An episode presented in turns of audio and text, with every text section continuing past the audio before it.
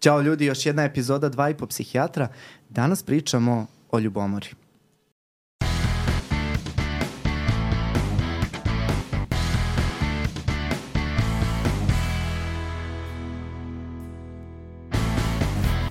Pre nego što se bacimo u samu temu, ja moram prvenstveno da kažem, e, odnosno da izrazimo jedno veliko zadovoljstvo prema svim ljudima koji su se do sada e, pretplatili na Patreon i na taj način podržavaju naš rad i e, voleo bih eto da i motivišem i druge ljude koji vole i slušaju ovaj naš podcast da prosto doprinesu našem radu i osiguraju to da e, se ovaj e, naš projekat što duže održi. E, I moram da priznam da se danas posebno radujem ovoj epizodi jer se vraćamo a, na stari tandem, da kažem, Olivera i ja, koji će, ovaj, gde ćemo danas da obradimo jednu vrlo kompleksnu temu. Moram da priznam, nisam ni sam sanjao koliko je kompleksna dok nismo nekako se upustili u samu priču, a to je ljubomora. Uh, Olivera, ja imam jedno pitanje za tebe. Uh, dugo sam razmišljao kako uopšte da počnemo ovaj podcast i uh, samo pitanje se javilo iz uh, moje konverzacije sa ljudima iz moje bliske okoline, a njih najviše zanima da li ima ljubavi bez ljubomore. Da. Pa ajde da krenemo od reči ljubomora. Ajde. Jel to znači ljubav koja mori? Mori ljubav. Vidiš čoveče, sjajno, da, sjajno. Da, ljubav mori. Pa kako bih ti rekla, eh, ono što nekako eh, kada evo i snimamo ove naše epizode, kad pričamo o nekom fenomenu, uvek shvatimo u stvari da nijedan fenomen nije monolitan, nego da u stvari postoje različiti oblici nekog fenomena i o tome ćemo u stvari danas detaljnije pričati. Postoji zdrava, realna, racionalna ljubomora i pretpostavljam da ukoliko je jedan par u ljubavi, zreloj ljubavi i ukoliko primeti da jednostavno partner gaji neku veću naklonost prema nekoj drugoj osobi i ukoliko osoba u stvari negde doživi jednu vrstu straha od toga da će njena ta zrela, lepa ljubavna veza da bude ugrožena, javlja se jedna zdrava ljubomora i onda tada stvarno na neki način ljubav mori. Međutim, postoje i oni ekstremni patološki oblici ljubomore koji uopšte ne moraju da proizlaze da kažem, iz ljubavi i onda postoji i ljubomora bez ljubavi. Dakle, da. postoje oba oblika. Da, sjajno. Ali uh, moram samo da napomenem da uh, smo mi pre nekog vremena, to je bilo pre možda šest meseci, smo mi u stvari obradili jedan mali deo ove teme u onoj našoj epizodi o emocijama i Tako moram da, da evo kažem svima da potraže tu epizodu jer smo se tu dotakli uh, raznog spektra emocija i posle ovog našeg vrlo uspešnog serijala o poremećajima ličnosti smo nekako odlučili da se bacimo u jedan serijal o emocijama čemu se ja jako radujem mislim da se po meni vidi da sam vrlo uzbuđen po tom pitanju. E sad, kada smo se e, kada smo pričali ti i ja prva e, emocija koju smo poželeli i ti i ja da obradimo bila je ljubomora. I e, dugo sam razmišljao kako uopšte da opišemo ljubomoru kako da je definišemo. Sad mislim kad kucaš ono ima oksfordski rečnik, pa ne znam harvardski rečnik, pa ne znam ti ni ja šta i sve mi to nekako delovalo suvoparno, jer ne bih ni znao ni samom sebi da opišem ljubomoru rečima. A to je ono i kada sam odgledao ponovo našu epizodu, mi smo jako lepo rekli da uh, ovo je sad taj narcistički moment, ali moram da kažem da smo vrlo nekako poentirali na tome da nemamo dovoljno reči da opišemo različit spektar emocija koji jedna, jedna duša, jedna ljudska osoba, jedno ljudsko biće može da može da oseti. Tako je. Da. Tako je. Tako da često ljudi kada i doživljavaju e, ne samo ljubomore, nego i mnoge druge kompleksne emocije, kažu jednostavno osjećam se vrlo složeno, prosto imam niz različitih emocija koje su mešovite. I da nekada, e to je ono što smo isto pominjali u toj epizodi o emocijama, to je pitanje emotivne inteligencije. Koliko osoba uopšte može i da prepozna emociju i da je opiše. Naravno, ovaj, naš jezik nije savršen, ne može u potpunosti da opiše ljubomoru, ali činjenice tada, sećaš se, pričali smo o tim takozvanim primarnim emocijama, onih čuvenih četiri, je li tako, radost, žalost, strah i bes. Međutim, ono što je interesantno, baš kod same ljubomore, što se u stvari od te četiri bazične emocije pojavljuju tri. I to baš ove negativne. Mm. Dakle, tuga, onda se javlja strah i javlja se bes. I svaka od tih emocija, naravno javljaju se i mnoge druge, ali ove tri elementarne emocije su nekako, da kažem, sastavni deo ljubomore i osoba, ako, ajde da pričamo o zdravoj ljubomori, dakle mm -hmm. u mhm. slučaju da osoba primeti da postoji pretnja, da je ugrožen njen ljubavni emotivni odnos sa partnerom, tada ona može da reaguje od strahom, od pretećeg gubitka, I onda naravno ukoliko se javlja, da kažem, reakcija straha i ponašanje će biti u skladu sa strahom. Ona može čak onako da pokušava da ugodi partneru ili na neki način, čak da bude snishodljiva. Međutim, ukoliko se javi ljutnja, a ljutnja obično ide iz osjećanja izdaje, da je osoba praktično na neki način izdala, da je izneverila, jer ono što je tipično za e, pogotovo našu kulturu, E, koja je još uvek poprilično onako konzervativna, a to je da u tim monogamnim vezama je ljubav ekskluzivna emocija i da odnos između dvoje ljudi je ekskluzivan i da ne može da postoji treći i samim tim se onda javlja taj osjećaj izneverenosti, e onda je jako ljuta i može da bude agresivna. A treća, ako jednostavno osjeća da joj se nekako klima tlo pod nogama i da jednostavno je na gubitku, da je jednostavno poražena, da je kraj te emotivne, odnosno ljubavne veze, onda se javlja tuga. Ali to nisu jedine emocije. Mnogi da. druge se javljaju, tako? Da. E, upravo sam na taj način razmišljao kada smo eto i pričali o tome, rekli smo da postoje te složene emocije i upravo na taj način mi posmatramo fenomen ljubomore, gde je u stvari ljubomora izvedena emocija iz nekoliko različitih pomeš, pomešanih osjećanja. I ono o čemu sam razmišljao jeste da je to u stvari pridodao bih još jednu veliku uznemirenost, jedno nespokojstvo koje se javlja i, i, i užasnu bol koju može ljubomora da izazove iz svih ovih razloga koje si navela. E, međutim, i dalje imamo osjećaj da ne možemo baš svim ovim što smo rekli da prikažemo baš kako se ta osoba osjeća u tom trenutku. Tako.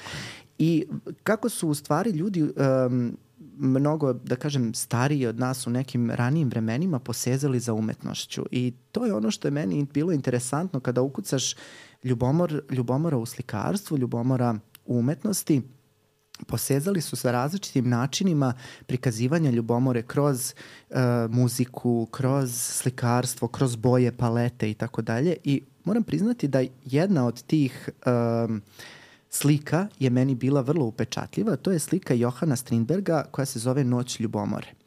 Ne znam zašto je ona meni nekako najbolji opis bila, možda sam se ja nekako najviše poistovetio da. sa tom slikom, ali to je jedno uh, e, kako bih rekao, na prvi pogled gomila ničega. To je go, gomila e, e, neka oluja, pa neko e, nemirno more, pa e, gomila ništavila i tako dalje. Nekako vrlo, vrlo lepo opisuje stanje osobe koje se nalazi u stanju intenzivne uh, intenzivne ljubomore. Ja ne znam da li ćemo zbog autorskih prava uopšte smeti da ovaj postavimo tu sliku kao ovaj e, na naš na našem videu, ali eto mogao bi da motivišem ljude da da potraže ako ih zanima kako ta e, kako ta slika izgleda jer nekako na jako lep način ilustruje mešavinu osjećanja koja se upravo javlja u trenucima kada je ta ljubomora um, najintenzivnija. Da, možemo da stavimo i link. A da. ovo kad si rekao i nekako da kažem iz lične vizure, to mi je jako drago što si rekao, jer moramo da shvatimo da smo svi nekada ljubomorni. I da je to krajnje jedna zdrava emocija,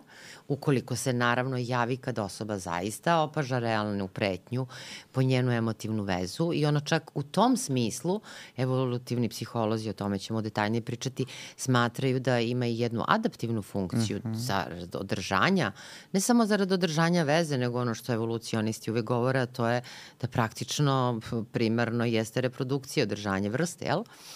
E, I, međutim, nekako u našoj kulturi još uvek postoji jedan negativan odnos prema ljubomori, jel? I negde nismo uvek ne ili ne osvestimo, jer naravno ljubomora se ne javlja isključivo u partnerskim relacijama, može da se javi u prijateljskim relacijama, može da se javi takođe u odnosima roditelj-dete. U na, voditeljskim relacijama. Voditeljskim, tako da, u raznim profesionalnim jel, relacijama. E sad su dolazimo naravno i do onog drugog termina zavisti o tome, napravit ćemo naravno razliku šta je zavist, šta je ljubomora.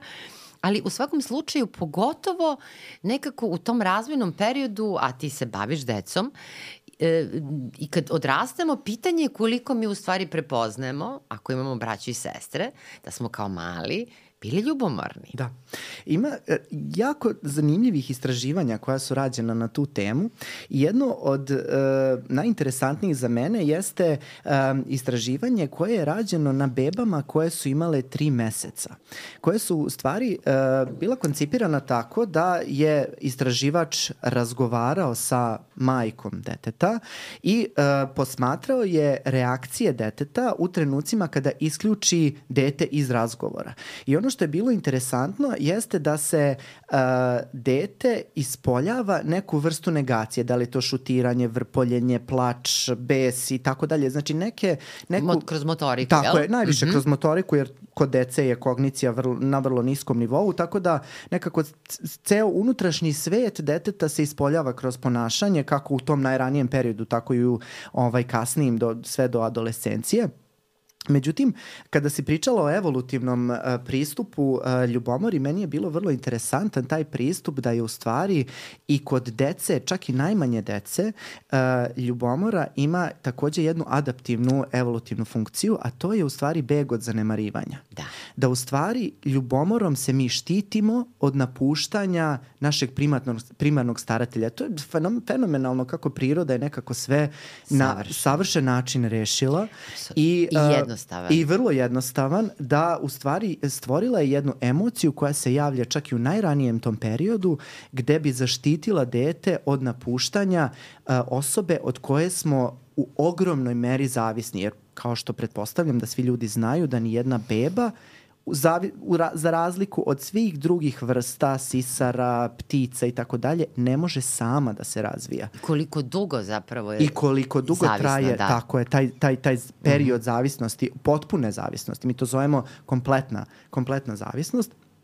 I ono što je ta istraživač, uh, što su ti istraživači, uh, mislim da su oni iz Toronta, uh, nazvali, to je ta protoljubomora. Prot, jest, Jest. jest. I to je taj kao prvi onaj inicijalni inicijalno osjećanje ljubomore koje ne može baš da se poistoveti sa ovom ljubomorom koju mi osjećamo, nego to je taj prototip, odnosno nešto što se javlja pre same razvijene, razvijene ljubomore, ali ono što mi je takođe bilo interesantno su istraživanja koje su rađena kod starije dece. Kada su se zapitali, dobro, A koliko godina? Pa recimo to je neki školski period, školski školski period. uzrast, da.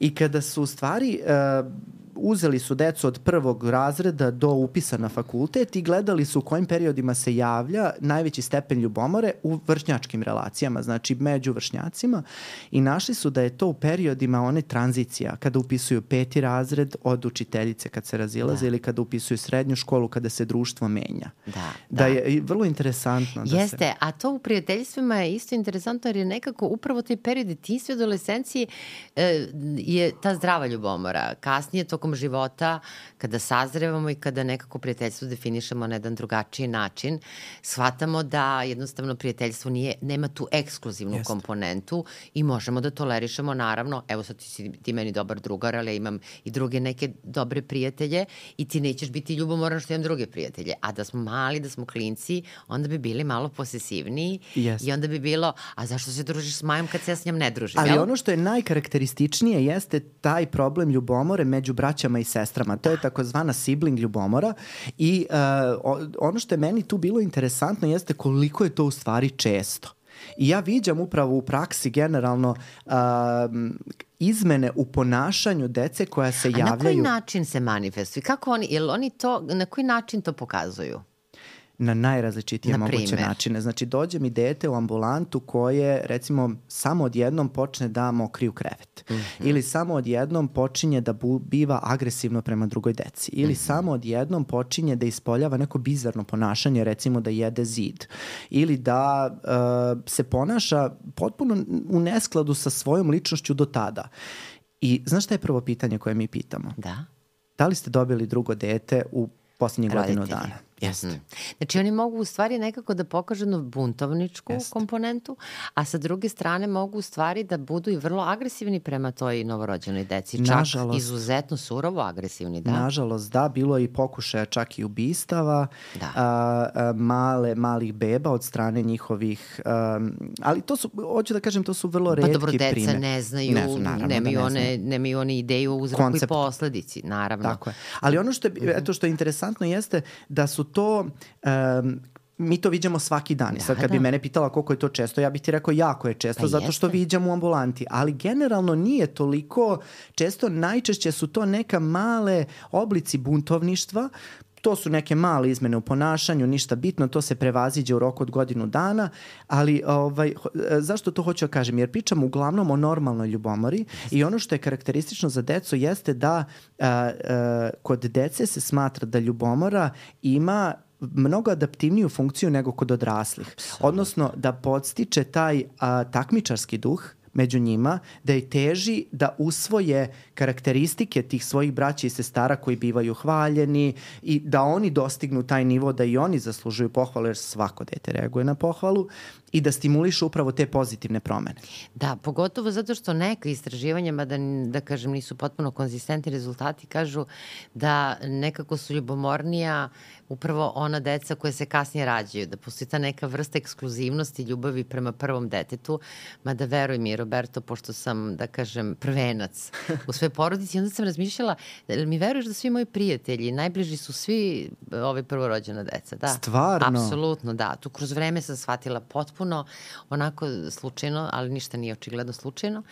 E, nekako roditelji ulažu poprilično ljubavi u prvo dete, ali i očekivanja su veća. Međutim, činjenica da neke istraživanja pokazuju da su mlađa deca je tako obično ljubomorna na starije, starije dete. Yes.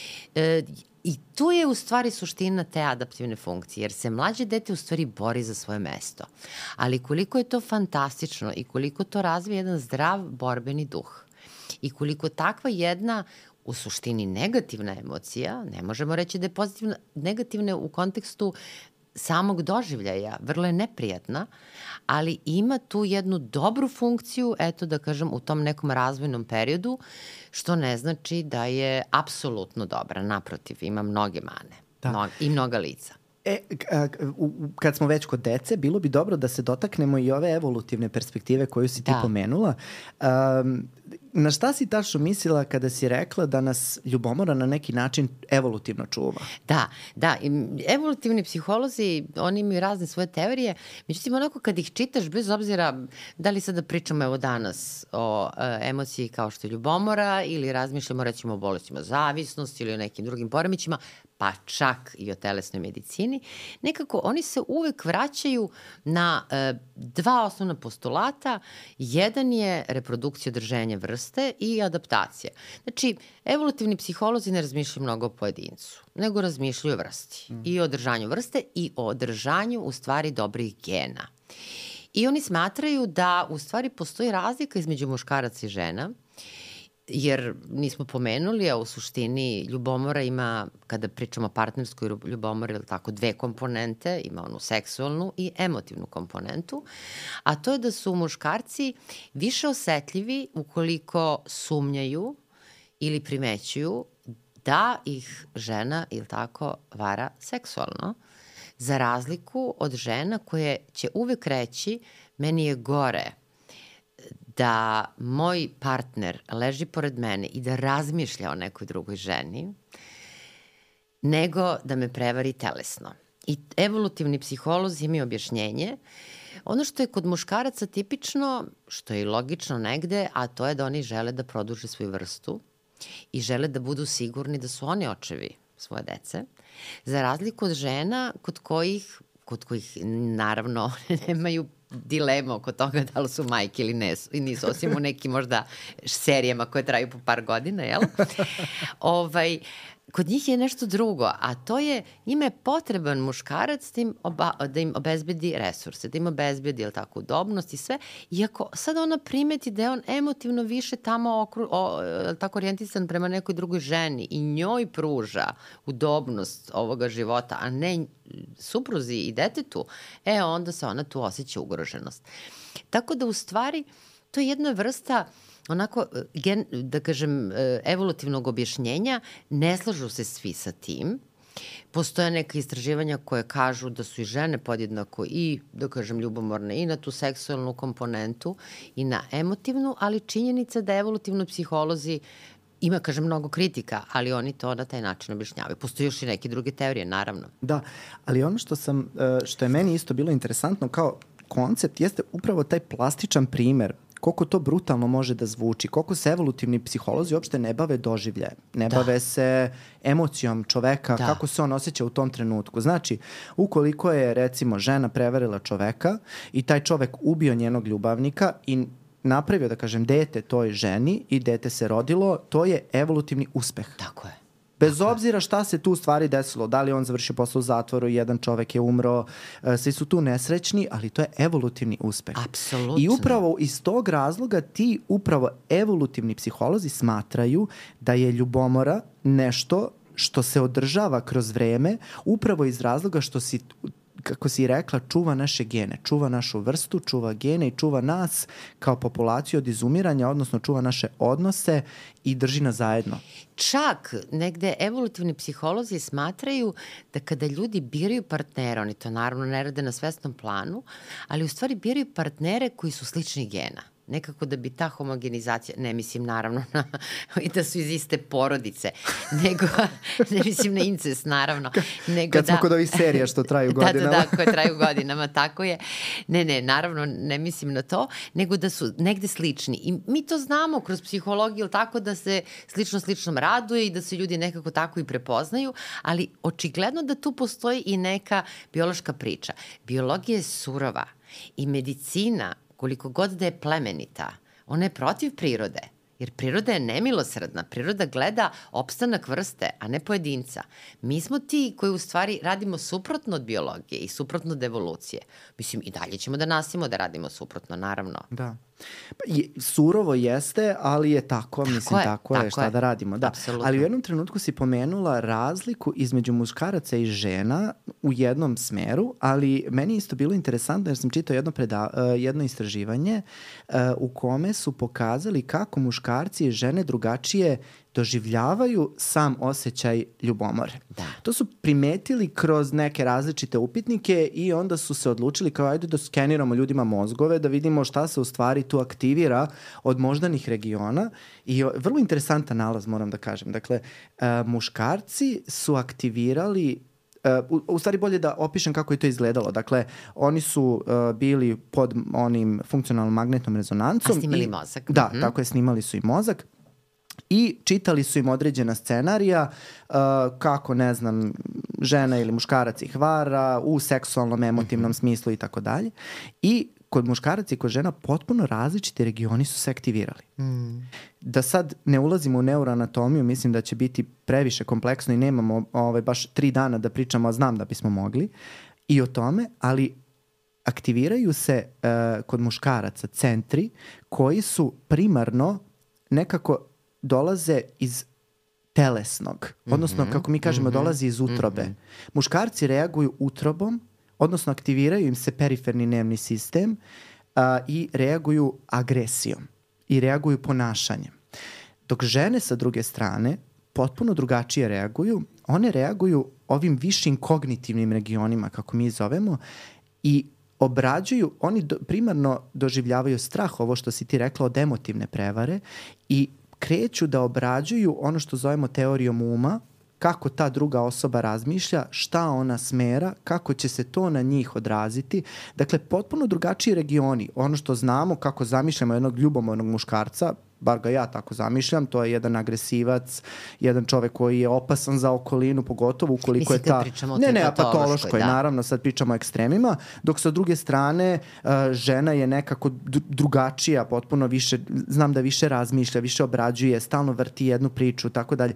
Znači, tačno može i da se vidi i, i ono što je meni drago jeste da su to i m, m, upravo ove studije koje se bave tim, tim imidžingom, odnosno tim skeniranjem a, moždanih regiona u stvari pokazale. Da, ali ovde, drago mi je što si to ti rekao, da žene ovaj, nekako, da kažem, aktiviraju one delove mozga koji su više vezani za te malo više, za taj čeoni režanj, da ne bude da sam to ja rekla, jel? A da, kod muškaraca se čak ovaj, aktiviraju i oni centri koji su važni, jel tako, za vid, za čulo vida. Tako je. A čuvena ona rečenica, jel tako, da kod ljubomorne osobe uvo pogrešno čuje, a da oči u stvari preuveličavaju. Izgleda da je to baš, da se to tiče više muškaraca, izgleda to preuveličavanje očima. Da. Međutim, ovaj, znaš šta je zajedničko muškarcima i ženama? Meni to vrlo interesantno bilo. Istraživanja po koje pokazuju stvari, opet iz evolutivne, da kažem, ajde da se još nekako zadržim malo na toj temi, da su i muškarci i žene ovaj, e, ljubomorniji kada je žena u, ovulativne, u, u, tokom, u periodu ovulacije. U periodu ovulacije, jel? I takođe da su mm, ljubomornije žene koje uzimaju kontraceptivna sredstva. Tako da molim Što ovom prilikom, dovodi- molim Aha. ovom prilikom muškarce da shvate svoje partnerke Da razumeju. Ako, ako uzimaju kontraceptivne pilule, da ne mora da znači da su patološki ljubomorni. Šalim se malo.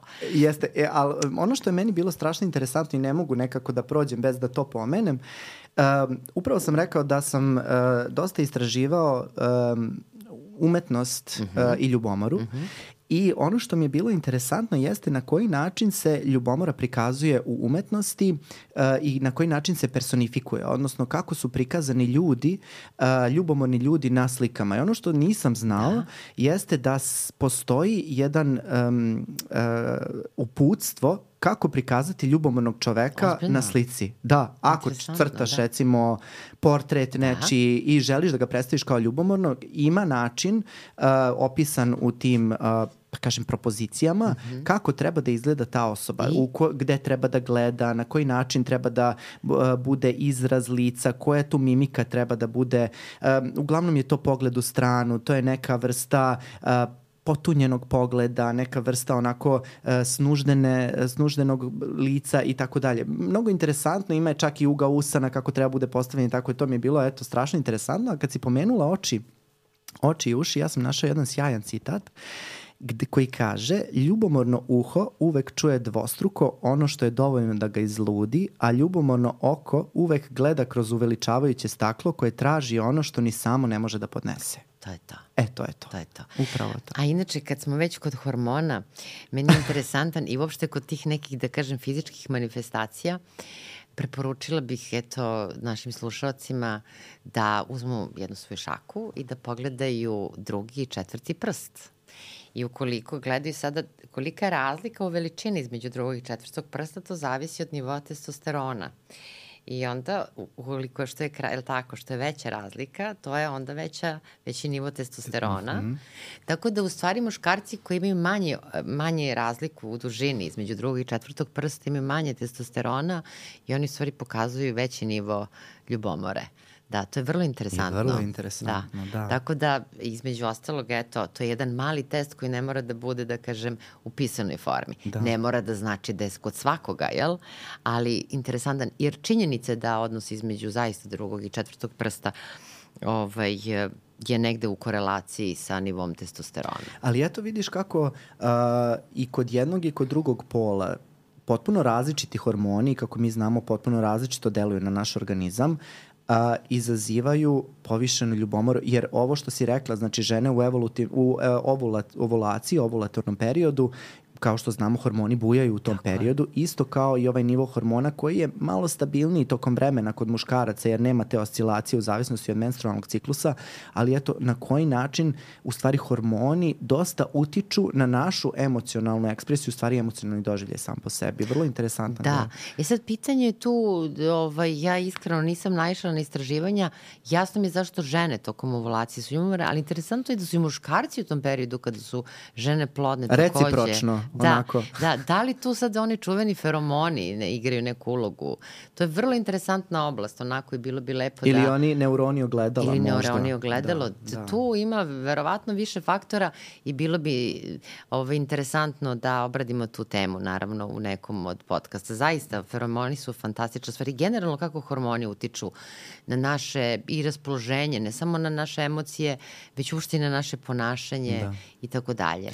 E, ali moram samo da te pitam, u jednom trenutku si pomenula, uh, postoje termini koji se onako poprilično uh, koriste u, kao isti termin. Da. A to su zavist i ljubomora, da. a nekako mi znamo da je zavist, mogu da kažem, mlađi brat Da, ljubomore. da. A kako ti vidiš tu razliku? Da, ovaj, sećam se kad smo držali neki klinički čas pa smo pričali o emocijama, jedan mladi naš kolega je rekao jednu fantastičnu rečenicu koja mi se svidela, za ljubomoru je potrebno troje, a za zavist je potrebno dvoje.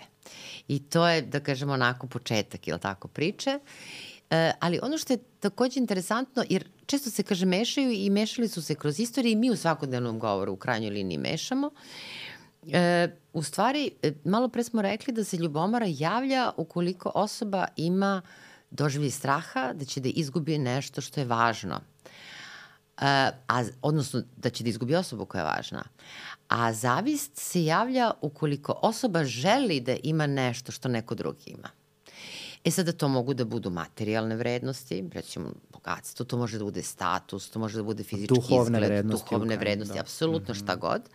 I opet se vraćamo na istu priču, da koliko god nekako živimo u vremenu u kome su emocije prepoznate kao kvalitet, za razliku od vekova unazad gde su emocije često shvaćane kao jedna vrsta slabosti, evo, od Platona pa na omo. Dakle, mi i dalje imamo, kao što imamo rezervu da priznamo kod sebe ljubomoru, imamo takođe rezervu da priznamo zavist i onda često koristimo neke nesvesne mehanizme, recimo racionalizaciju, pa kada, na primer, dva mladića i sada jedan je jednostavno uspešniji kod devojke, ovaj će reći pa da naravno kad je njemu tata kupio dobar auto, kad on ima ovo, kad ima ovo, lako je njemu. Jel, neće prepoznati neke možda druge vrline kod te osobe i naravno tada se javlja zavis. Ne mora naravno da bude u pitanju devojka, ali interesantno je takođe da e, zavist i ljubomora mogu da se jave u istom scenariju. Evo što je meni palo na pamet. Obično, to dobro znaš, da mi taj najteži oblik patološke ljubomore naz- nazivamo telov sindrom. Međutim, taj termin je negde uveden 50. godina 20. veka i psihijatri širom sveta ga koriste, međutim, on nije dobar naziv. Nije dobar naziv zato što telo uopšte nije bio patološki ljubomoran. Mm -hmm. On je imao čuveni lik Jago e, u ovaj, tragediji o telu Šekspirovoj je bio zavidan na ljubav između, odnosno na odnos između Dezdemone i Otela i on je praktično izazvao sumlju, sumnju kod Otela, tako da e, Otelova ljubomora nije imala kvalitet patološke. On je praktično imao doživlje da je njegova ljubav na neki način ovaj, izneverena, na osnovu onoga što mu je zli Jago govorio. Tako da mi u stvari u Otelu imamo kombinaciju. Jago je zavidan na njihov odnos, a Otelo zbog njegove zavisti razvija u stvari ljubomoru i nažalost e, cela priča se završava tragično.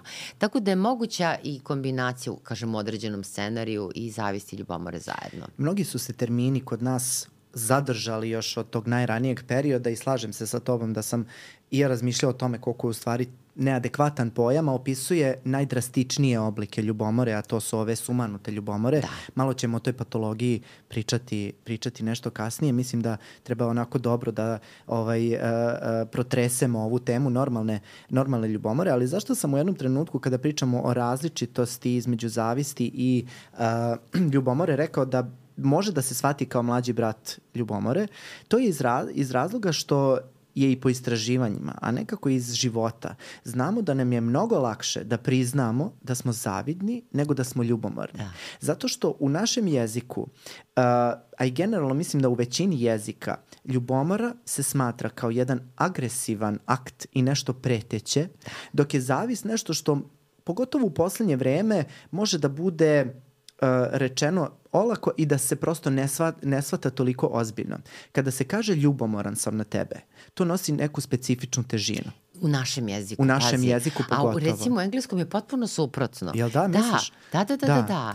E, a, Engleski autori suprotno. A ja se slažem potpuno s tobom u našem jeziku je to e, ta, tako. Tako sam ja nekako o tome potpuno, razmišljao. Da, da. da. I onda uh, nekako u poslednje vreme, pogotovo u eri socijalnih mreža, ti sad uđeš na Twitter i svaki drugi, treći tweet kao može da se proceni kao zavist prema nekoj osobi i čak i da se provuče ta reč zavidim ti. Mm -hmm. Zavidim ti na Jest. ovome i da se ne smatra kao Jest. neka neki agresivan akt, kao Jest. nešto što može da preti našoj egzistenciji, našoj, našoj ličnosti i tako dalje. Čak postoje čini mi se neki tagovi koji baš i sadrže Jest. u sebi ovaj, tu neku skraćenicu koja Jest. se potpuno koristi nekako leg, legitimno. Jest. Da. Ali moram da kažem jeste da ljubomora može da bude teža od zavisti i vrlo često jeste, ali ono što zavis nosi u sebi, to je ono što u mojoj glavi izgleda kao jedna od najbitnijih karakteristika osobe koju bih ja nazvao zla osoba.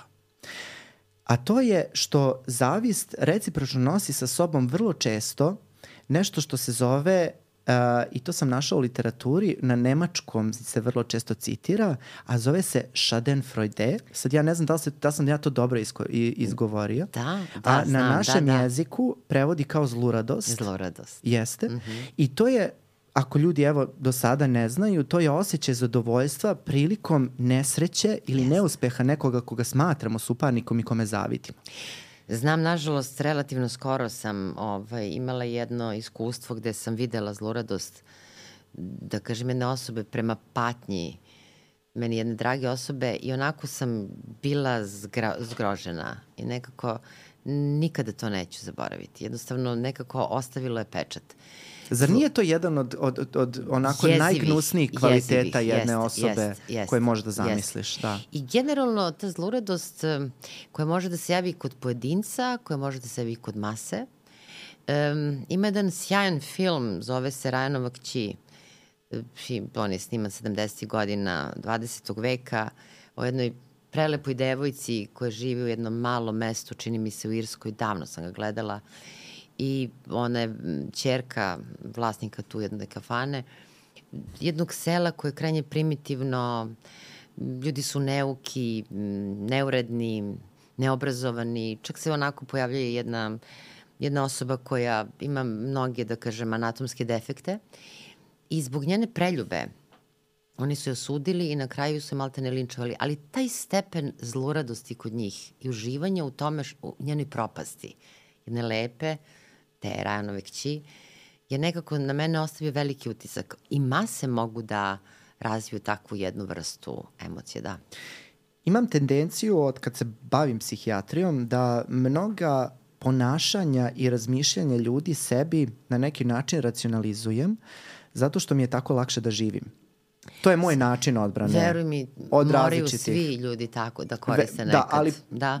suočavamo se sa vrlo surovim primerima mm -hmm. ljudske zlobe mm -hmm. u našoj praksi. Ne samo u svakodnevnom životu, nego stvarno u praksi viđamo vrlo teške, uh, teške reči, teške postupke koje nam je nekada vrlo teško da obradimo mm -hmm. i mnoge stvari sam naučio sebi da objasnim koje idu iz ličnog nezadovoljstva, koje idu iz ličnog neuspeha, iz uh, nekog preživljenog zlostavljanja, ali zluradost je nešto što ne mogu i dalje sebi da objasnim i opravdam. I vrlo često mi ljudi iz okruženja kažu, pa dobro, ti sve nešto gledaš pozitivno, ti stalno imaš neko objašnjenje, eto, neko ubio čoveka, pa ti kažeš, pa dobro, i on je zlostavljan u detinstvu i tako dalje. To ne opravdava postupak. E, moram priznati da se u ovom slučaju tu stvarno slažem.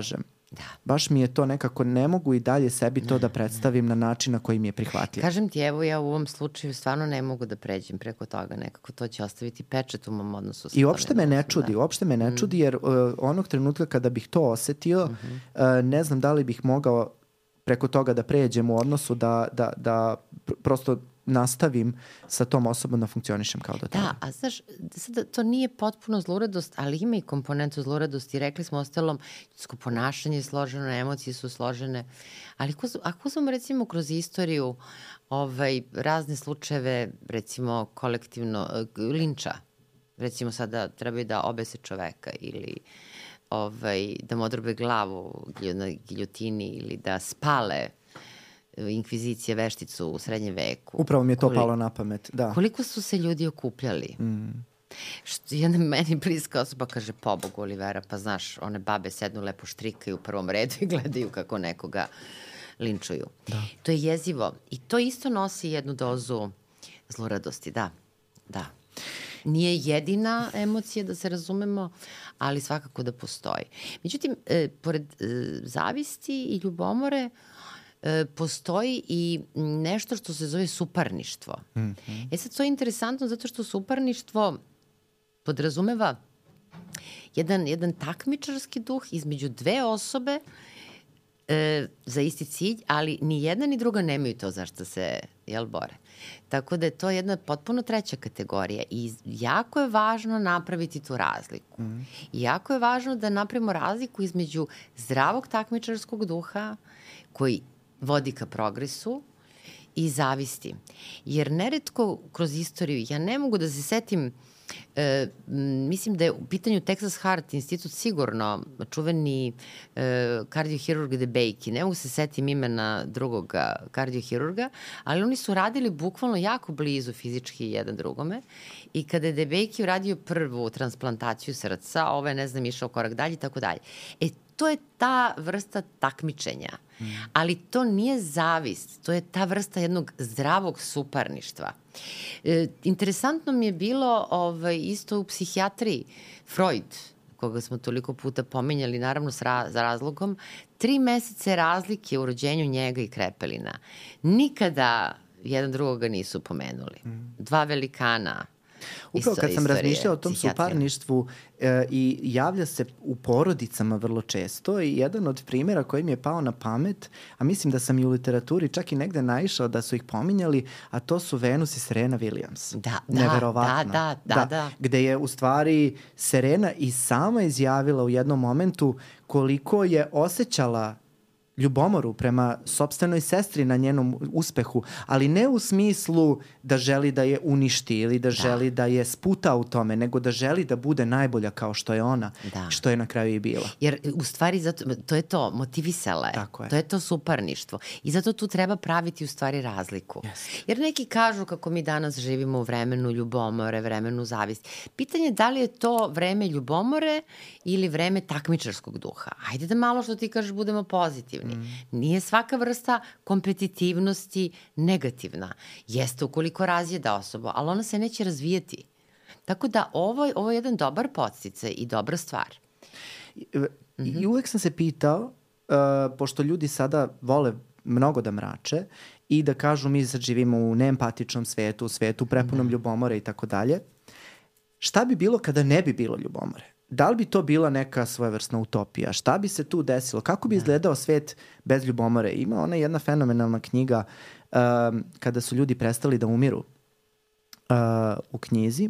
Mislim da je Murakami, sad uh -huh. ispravit ćeš me, ne, ne mogu da se setim. Ali, uh, znači, onako jedan koncept koji je ubikvitaran i gde prosto ne postavljamo pitanje da li postoji, odjednom ga nema. I onda uh, do kraja knjige u stvari shvatiš koliko je to jako dobra stvar, iako je strašno mrača. Svi se mi plašimo smrti. Freud je sam definisao pre XY godina taj najveći strah u ljudskoj duši, a to je strah od smrti koji nas vrlo često podstiče, motiviše i tako dalje. I kako jedna stvar poput ljubomore u stvari može da bude podsticajna, jako mi se dopada iz tog razloga ovo što si ti rekla, da u stvari živimo u dobu takmičarskog duha. U dobu kompeticije, tako. zdrave kompeticije, gde samo pokušamo da budemo bolji i to će nas u stvari stimulišati da rastemo kao društvo. Ja bih to tako gledao. To je jedini, jedini isprava način, jer ako budemo vođeni ovim lošim emocijama, ako budemo vode, vođeni zavišću, ona će pojesti nas, yes. ne društvo.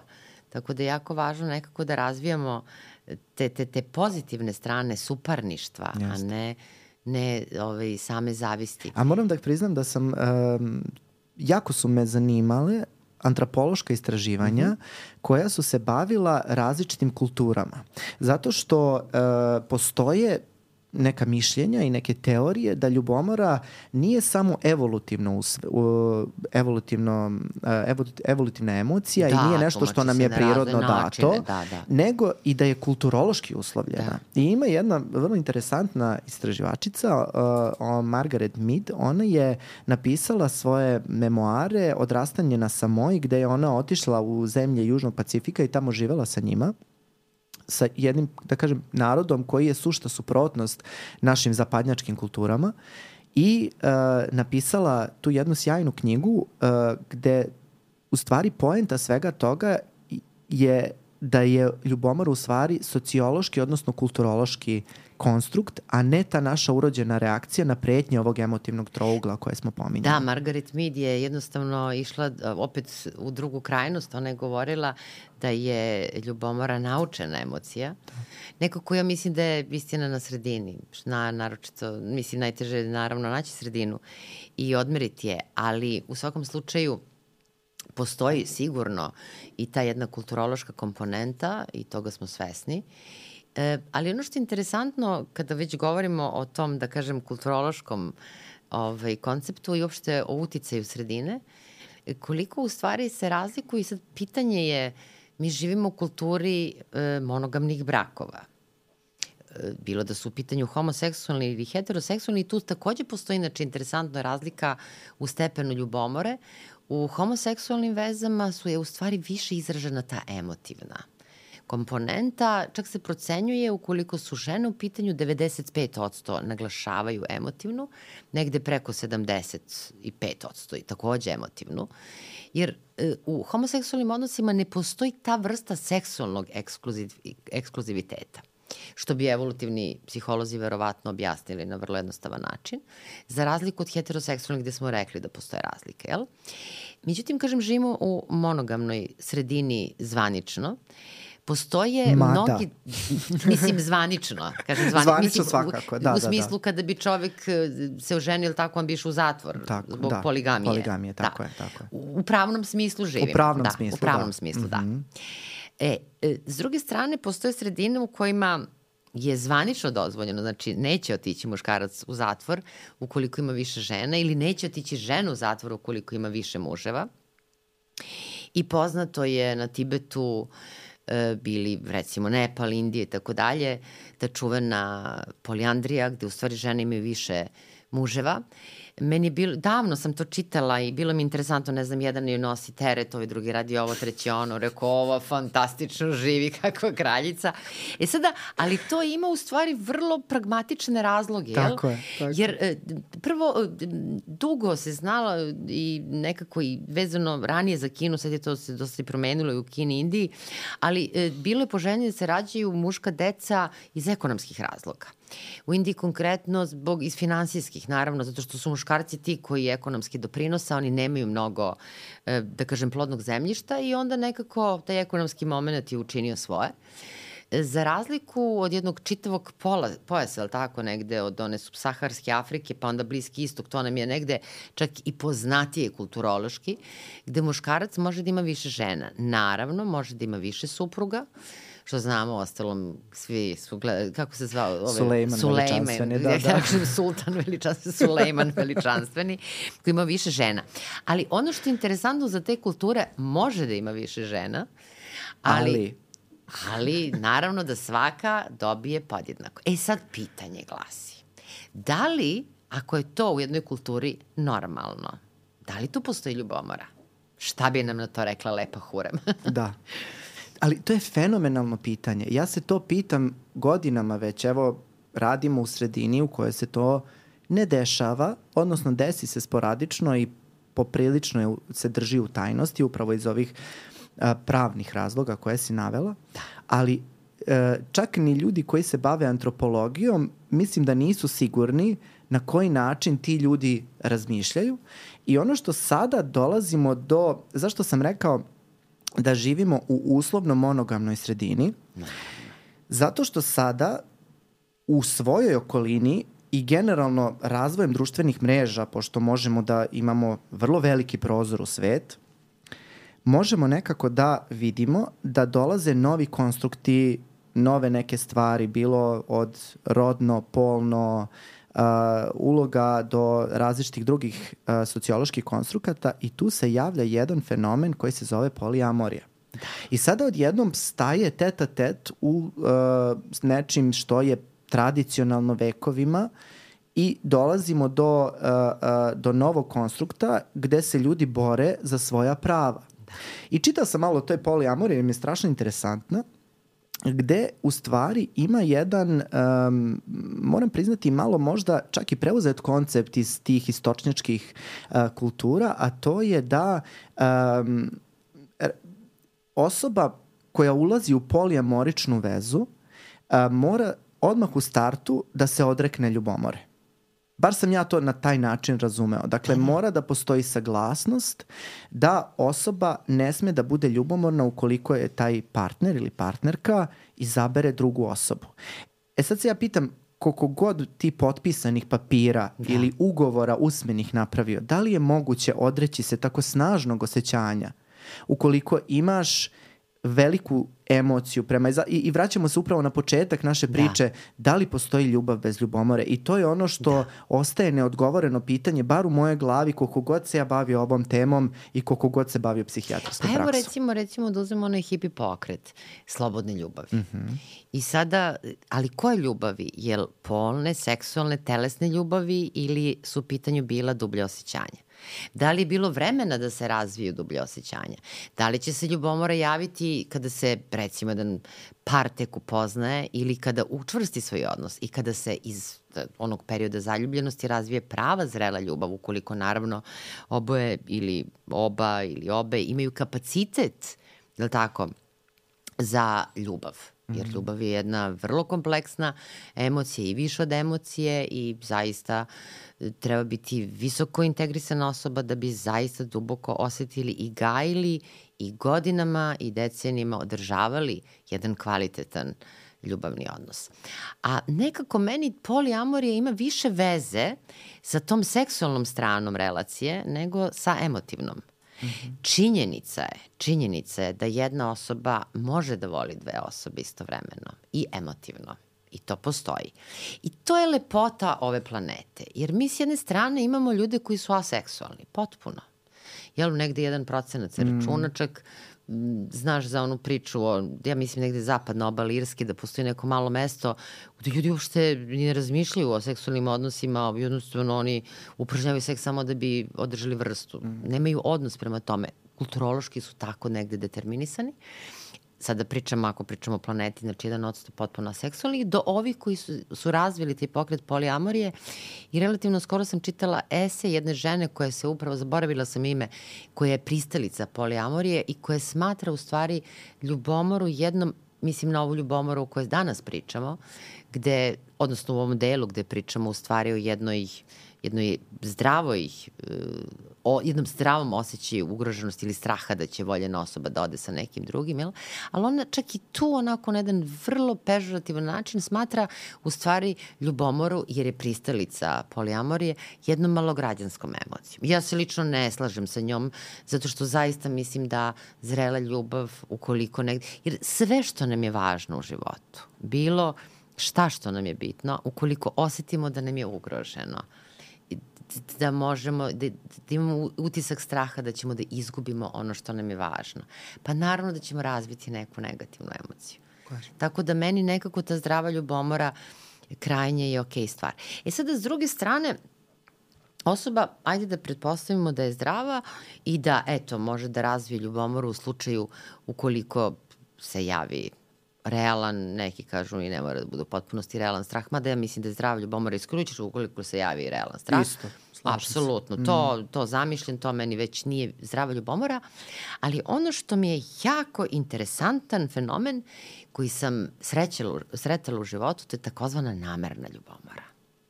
Stvarno? Da. Šta je to? Namerna ljubomora, sećam se jedne klijentkinje koja mi je to svojevremeno ispričala E, ona kaže meni, ja u principu imam jedan specifičan odnos prema ljubomori, e, nekako smatram da nemam pravo da posjedujem drugu osobu u potpunosti i jednostavno sada da li neko ima određene seksualne fantazije ili ga neko na moment privuče, da je to potpuno okej okay stvar, ali je primetila da njen partner isključivo u njenom prisustvu ima potrebu da koketira sa drugim ženama, da uzima telefone, da zove, da ostavlja lažne tragove, recimo kaže da je kupio knjigu, na primjer, u, na opštini Stari grad, a donese kesu u kojoj se vidi da piše Novi Beograd. Prosto je uvek imao potrebu da ostavlja određene tragove i kaže, ja nikada nisam bila e, ljubomorna u vezama, jer je očigledno imala jedan stepen samopoštovanja i generalno bazičnog poverenja. Jer važno je jako da u odrastanju ti to odlično znaš da negde dete ili tako razvije to bazično poverenje, ali je partner imao potrebu da izaziva u njoj ljubomoru. I mene je zainteresovala ta tema i onda sam počela malo da proučavam koji su to motivi da neko izaziva ljubomoru. I sada, u stvari, motivi kao i generalno kod, u ljudskom ponašanju mogu da budu krajnje različiti. E, postoje sredine u kojima jednostavno osoba ima potrebu da kroz tako jednu kokiteriju ljubomorom u stvari pokaže da voli tu osobu. Ali ako je ovako maligno i ako dugo traje, onda u tom slučaju u stvari je više da kažem jedna potreba za osvetom i potreba u stvari da povredi samu partnerku ili partnera. E, e, kada smo malo detaljnije razgovarali, u pitanju je bila osoba koja je imala određene e, probleme, nije mogla da ima decu. I u stvari imala je potrebu mm. da mhm. kazni tu osobu i tako da je moguće da ta dinamika razvoja da kažem, i te jedne vrste patnje kod te žene praktično je bila, da kažem, izazvana takvom jednom, moguće jednim delom. S druge strane, moguće je i da e, ta jedna vrsta namernog izazivanja ljubomore je jedna potreba e, da se ovaj osoba kontroliše. I kontrole u stvari česta karakteristika onoga što nazivamo patološkom da. ljubomorom. Ali kada govorimo o normalnoj ljubomori, ja moram da priznam da često dobijam um, tu rečenicu on nikad nije ljubomoran, da li to znači da on mene ne voli. Ljudi da. su prosto nesigurni da, da. da uh, jer toliko se često priča da. i uvek vodi, vuče jedno drugo. Velika ljubav, velika ljubomora. Kao da su uh, nekako zajedno na istom tasu i isto rastu, na, nekako recipročno rastu. Da. Znaš šta si me sad podsjetio? Sećam se, pošto davno mi je to ta ovaj, klintkinja pričala, baš davno, uh, kada je prigovorila svom partneru da uh, jednostavno joj smeta što u njenom prisustvu koketira sa drugim ženama, uh, zašto je odgovorio? Šta? Kaže, pa ti si narcis. Tebe uopšte ne interesuje šta ja radim tamo. Ti mene ne kontrolišeš, ne razmišljaš šta ja radim. Da li ti mene uopšte voliš? Da.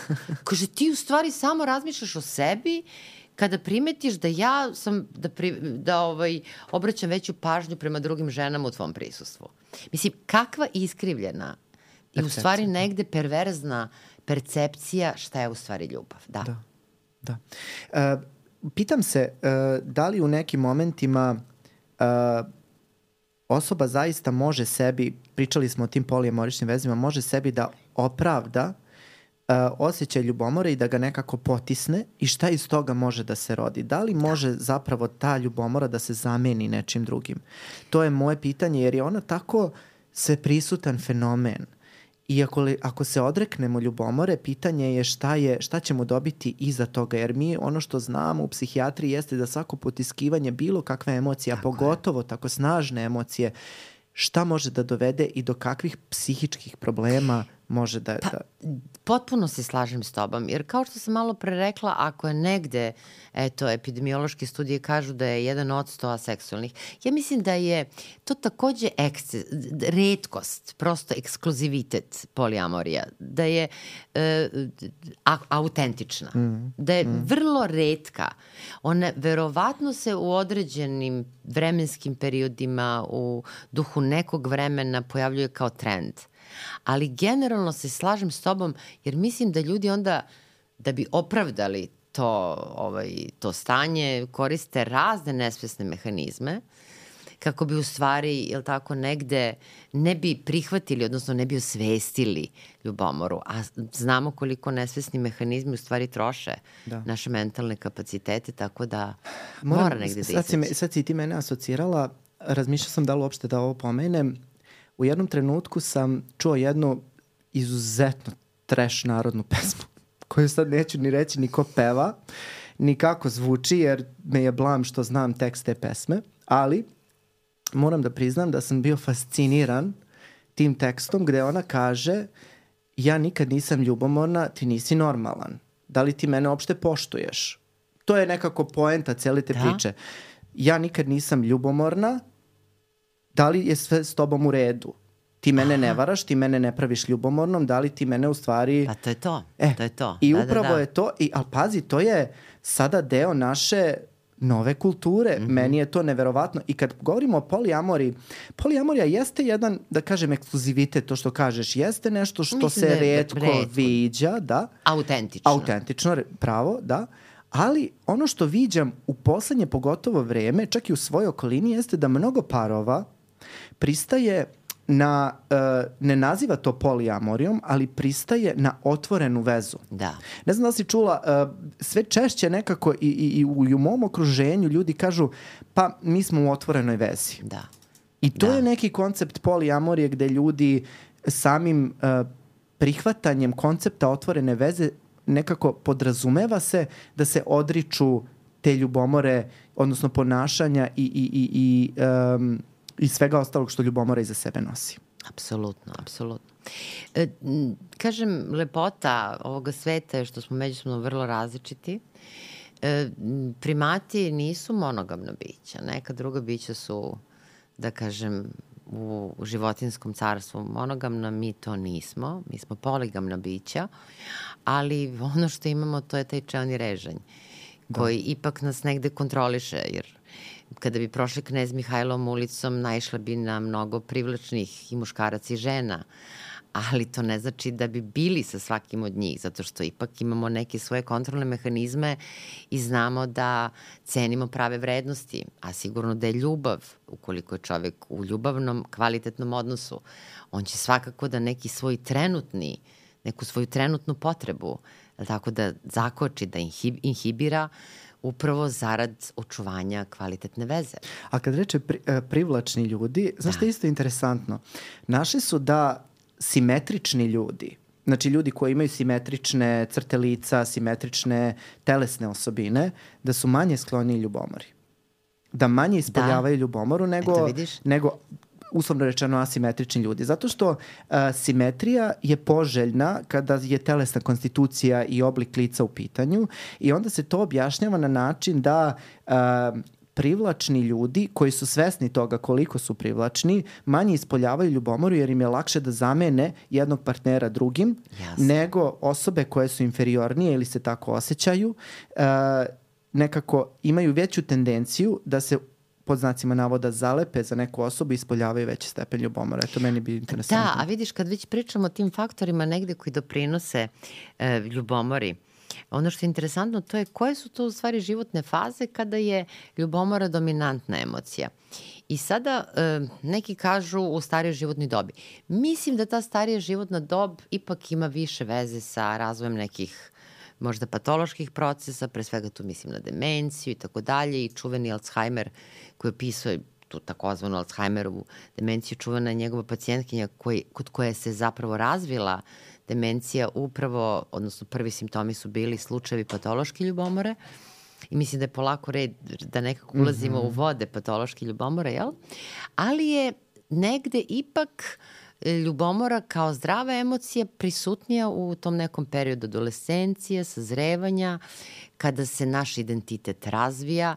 O tome smo toliko puta govorili, jedan zaista buran period kada mlada osoba praktično je nesigurna u mnogim segmentima svog funkcionisanja, u krajnjoj liniji ona istražuje, istražuje i taj svet partnerskih relacija. Mm. Ove, ovaj, sećam se kad sam bila klinka, je, kaže meni jedna moja jako bliska drugarica, ja Olivera, uopšte ne mogu shvatim kako to, a stvarno smo bile male, kaže kako to može da se desi, da se sretnu dve osobe, baš da se ova dopadne ovo i ove ovo, jel? da, to je bio totalno fascinantan fenomen, onako, znaš, kada ti je nešto nepoznato. Ali deca su genijalna, pa kako jesu. imaju tako nevjerovatne da, da, da. da. ja se sećam scene, čak se sećam i gde smo stajali onako, i ovaj, ja kao da, da, da, stvarno, kako je to uopšte moguće? Kada ti je nešto nepoznato i ovaj, a rekli smo, priroda je fascinantna, priroda je čudesna, priroda sve uredi da bude onako kako treba da bude, jel? Tako da, u suštini, m, taj neki period odrastanja, puberta do adolescencija, mora, deca su nesigurna, a ta nesigurnost onda vodi naravno i u sumnju u sebe i uopšte i u tu poženju, da li sam ja dovoljno privlačan, da li sam požen i tako dalje.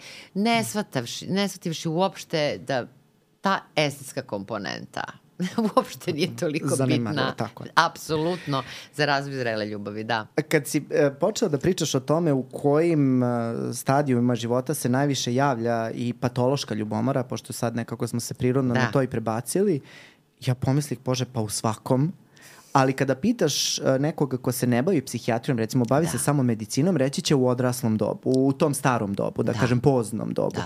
A zašto? Ja mislim da je zato što je tu nekako najneočekivanija, najfascinantnija. Pazi, koliko si imala slučajeva u praksi starih osoba da. koje dolaze na lečenje, dovodi ih porodica zbog ekstremne posesivnosti i ekstremne ljubomore do nivoa agresivnosti i ugrožavanja drugih. I znaš šta, da, to je jako interesantno pitanje Jer neki moji prvi slučajevi patološke ljubomore u starijoj životnoj dobi e, potvrdili smo da su imali organsku osnovu. Sećam se jednog čoveka, on je živeo u jednom selu u okolini Beograda I odjednom, dakle, u pitanju su bili ljudi koji su živeli zaista u selu, dolazi jedna žena, već obučena onako klasično, kako su obučene domaćice u selskim gazdinstvima i on je odjednom iznenada počeo da sumnja da ona njega vara.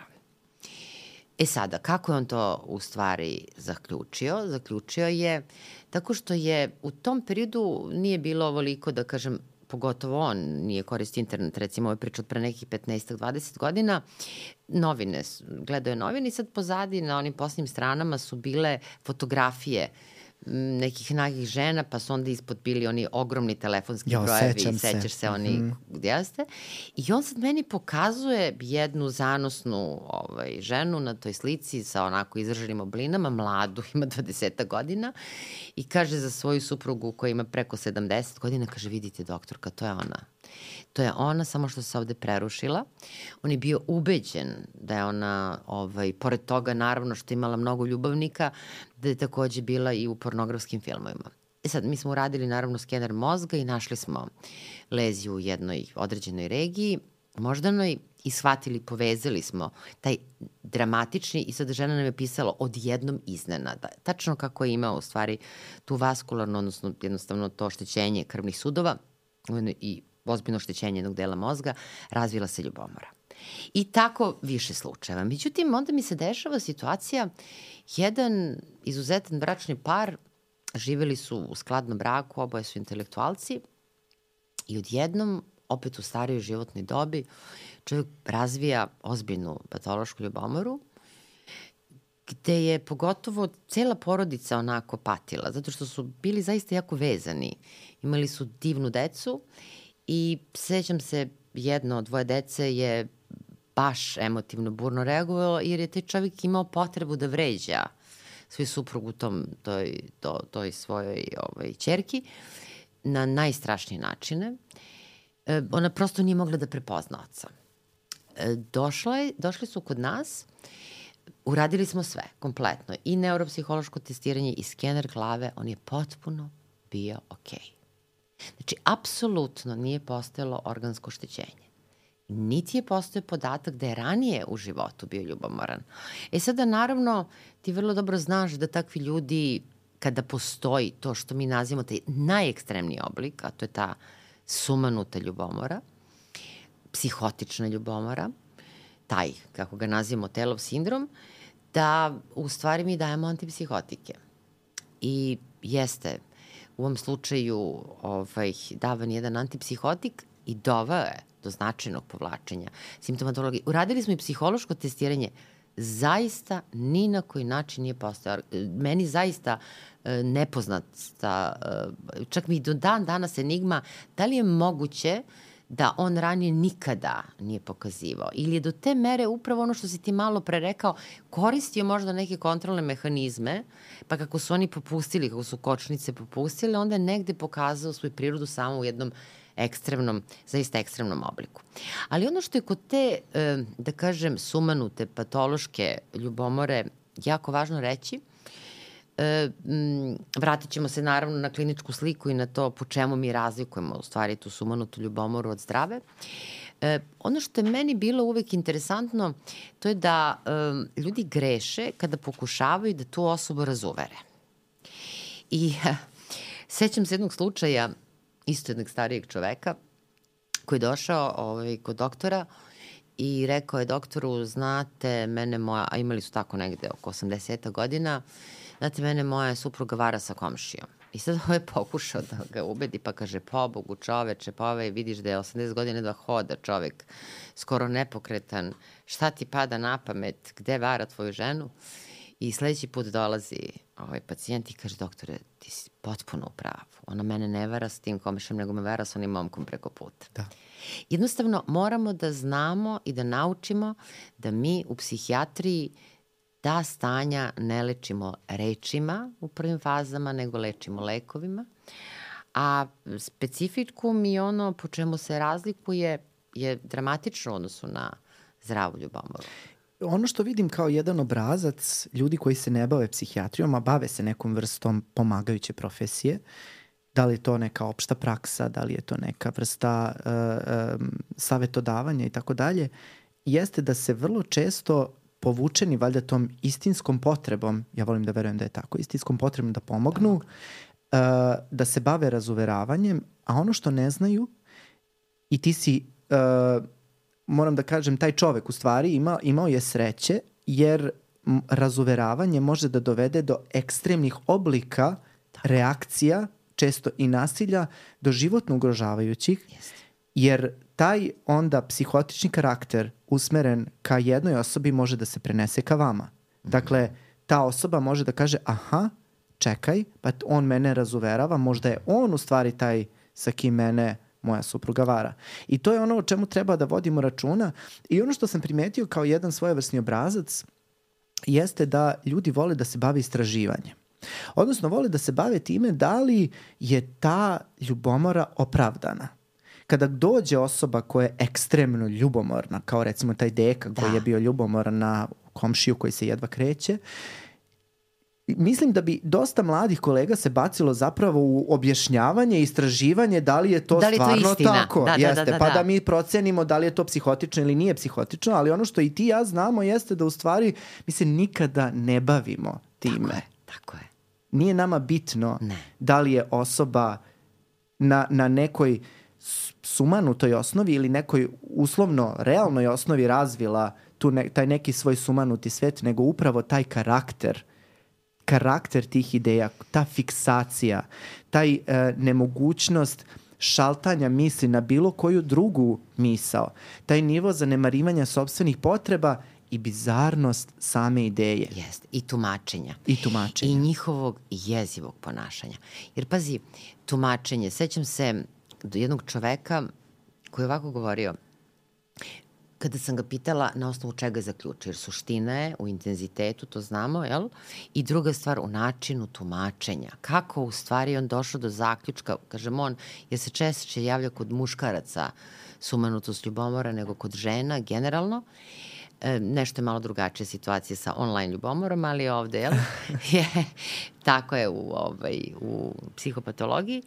I sada, on kaže, pa doktorka, potpuno jasno Otišla da zakuva kafu, otišao je moj brat i vratili su se zajedno. Mislim, koliko je potrebno, ja mislim da nema osobe, čak i oni koji ne kuvaju znaju koliko treba da bi se zakuvala kafa. Prema tome, ovaj, suština je da je on bio ubeđen da u, pe, u tom vremenskom periodu, dakle, dok su bili u kuhinji, samo da proključa voda, da su oni imali seksualni odnos i to je njemu bio dokaz. Jezivo je, zaista je jezivo. Jer kod njih se javlja upravo ta mržnja, ono čemu, što si sad malo pre rekao, š, na šta su spremni. N, spremni su da proveravaju posteljinu. Oni uzimaju veš ove tih žena. Oni čak pregledaju njihove genitalije, znači teraju ih na ginekološke preglede. Ali ono što je meni zaista nekako nesvatljivo i veruj mi ne jednom, više puta mi se dešavalo u životu da sam lečila neke žene recimo zbog problema sa raspoloženjem. I dešavalo mi se da je prošlo više godina. Da mi tek posle, ne znam, N godina kažu u stvari da njihov muž ima, ima razvijenu tu patološku ljubomoru. Jer ti vrlo dobro znaš da ta patološka sumanuta ljubomora može da se javi potpuno izolovano, da je čovek u svim drugim segmentima života potpuno okej. Okay. I da u stvari ukoliko žena krije, niko, apsolutno niko iz okruženja te osobe nema ideju da ta osoba ima bilo kakav psihijatrijski poremećaj. A problem je upravo ono što si malo pre rekao, a to je ishod koji je nažalost, da je, to je jedan od redkih poremeća u psihijatriji, koji u visokom procentu se završava smrtnim ishodom. I ako gledamo recimo zatvorsku bolnicu, gde su muškarci koji su upravo u zatvorskoj bolnici na meri obaveznog lečenja zato što su ubili svoje partnerke ili supruge, naravno, nekad je reči obsesivno i ne samo ovoj sumanutoj ljubomori, znaš kad se najčešće desi? Kad? Kada iznurena žena koja nije ga prevarila i on je non stop prati i prohodi i maltretira i tuče. Sećam se jedne moje pacijentkinje koja je imala, verujem mi, deformisana stopala. Znači, jezivo. I dalje, oni su, duše, razbili su se, ali su živeli u istoj kući. Kada prizna. Ka, ne da prizna zaista da ga da. je prevarila, nego, nego digne ruke. Digne ruke, ne može više da izdrži te godine maltretiranja i onda kaže, jeste, prevarila sam te, a nije ga prevarila. E, onda je ubija. Da. Da. To je ono što je strašno, da. I kad smo govorili kod koga se sve javlja taj, taj, taj jezivi Otelov sindrom, Um, htela sam i, i da te pitam da li je možda taj čovek bio alkoholičar. To mi je palo na pamet zato što je i pokazano da u stvari kod zavisnika da. od alkohola se ja, da. mnogo često javlja. Da, javlja se često, to su ranije, znaš da su to ovaj, stari psihijatri dovodili u vezu sa zapravo gubitkom potencije. Ja mislim da, da. to nije, nije razlog, da. jer ono što sam primetila to je da se ta jedna vrsta sumanute ljubomore, a rekli smo u stvari način na koji se tumači, kako oni dolaze do, do, do dokaza neverstva, krajnje bizarno, u stvari javlja, može da se javi kod impotentnih ljudi, ali može da se javi čak i kod ljudi koji imaju povišen seksualni nagon. Čak izražen i šta se u stvari dešava? Upravo zbog te njihove potrebe za promiskuitetom, znamo čuveni onaj, je tako, mehanizam o kome smo pričali, poprilično kad smo pričali o poremećima ličnosti, i o graničnom i o drugim poremećima ličnosti, to je projekcija. Oni svoju potrebu u stvari projektuju u partnera ili partnerku i onda nekako na bazi toga se javlja. A ovaj čovek nije bio ovaj, ovaj konkretno koji je zaista, pričam sad o ovom čoveku koji je tu kao žena, oni su se razveli ili su živeli u istoj kući. Ja moram priznati, on je kod mene došao na lečenje već u nekim starijim, zrelijim godinama, ali ono što je meni potpuno fascinantno, to je kako su u stvari stari psihijatri pisali istorije bolesti fantastično. On se e, godinama lečio e, na čuvenoj javali. E, to je u stvari bila jedna bolnica koja je pripadala kliničkom centru Srbije. Ja sam kao mlad lekar obožavala tamo da idem i specializirala sam na avali čuvenoj i došle su te istorije bolesti o njegovom ranijem lečenju, ja sam shvatila kroz te divne opise starih starih mojih kolega, da je on u mladosti u stvari bio nešto što bismo mi nazvali paranoidni poremeće ličnosti. Aha. I vremenom je u stvari došlo kod njega do razvoja te sistematizovane sumanute ljubomore. Ali znaš šta je interesantno? Dolazio je kod mene zajedno sa tom suprugom i sa sinovima i poslednji naš susret je izgledao na sledeći način. Ušao u ordinaciju, smršao je dramatično. Bio je su kao grana i bio je crnini i bio je strašno depresivan i samo mi je rekao da mu je supruga preminula. I sada je meni ostalo večno pitanje. Da li on bio depresivan zato što je izgubio ljubav ili zato što je izgubio izvor mržnje? Da. Ne znam. Izgubio je svoju najveću fiksaciju Da. životnu. E to je ono u stvari tvoje prvo pitanje koliko ljubav i ljubomora imaju veze. Da. A s obzirom na, na, na, na tu agresiju, pre bih rekla da kada čov, čovek može da upadne u depresiju i kada izgubi izvor mržnje, da. Da, neverovatno. U jednom trenutku si pomenula i obsesivnu ljubomoru i moram da, kažem da si me asocirala na jedan primer uh, iz svakodnevnog života, a to je uh, jedna moja drugarica koja mi je u jednom periodu života govorila o tome kako ona ima stalne nametnute misli da kada prolazi jednom određenom ulicom zamišlja svog partnera kako se drži za ruku sa drugom osobom. Mm -hmm. Potpuno neizazvano ponašanjem, nisu bili u kritičnom periodu, nije bilo nekih, uh, da kažem, rizičnih po znacima navoda ponašanja od strane njenog partnera, ali ona nije mogla da obuzda te misli i stalno je zamišlja recimo kada vidi njegov auto ili auto koji liči na njegov, zamišlja da je on u tom autu sa drugom osobom. I ono čemu je ona izlagala sebe i šta je ona u stvari radila jeste da je proveravala vrlo učestalo njegov telefon. Ona je mrzela sebe zbog toga. Ona da. je govorila ja se strašno krivom osjećam svaki put, meni se ruke tresu dok ja uzimam i čitam te poruke, ali ja da, ne mogu da, da, se da, obuzdam. Da, da, da. I to možemo da dovedemo u vezu sa ovim obsesivno-kompulsivnim mm -hmm. problemima o kojima smo pričali u ranijoj epizodi, gde u stvari ta, je, ta, ta užasna, nametnuta, neprijatna, obsesivna misao može da se zaleči jedino kompulzijom koja čini mi se vremenom sve više raste i raste kako se odlaže. Znaš, kao, kao sa tikovima, na primjer, kada deca odlažu tikove, pa onda posle sat vremena odu u, u sobu i kako oni kažu is- istikiram se, Da, da. onda i, i raste ta potreba Tenzija. I tenzija koja mora da se razreši u nekom momentu, inače imaju osjećaj da će da polude, inače imaju osjećaj da će doživeti panični napad. Drago mi je što si pomenuo taj isto oblik patološke ljubomore, zato što je tu opet važno ko leči, kako leči i da prepozna razliku u odnosu na ovaj oblik sumanute ljubomore, e, jer je potpuno su drugačiji prvo lekovi koji se daju, drugo, drugačiji Pristup je psihoterapijski drugačiji, tako pristup, je. tako je. Jer ono što e, naročito e, kada smo mladi i onda kada se suočavamo sa takvim situacijama, jako nam je teško da uspostavimo kontakt sa osobom koja ima potpuno iskrivljenu realnost, recimo, znači ima jedno sumanuto uverenje, i sada ti priča o tome autentično da se to zaista njemu dešava, jel?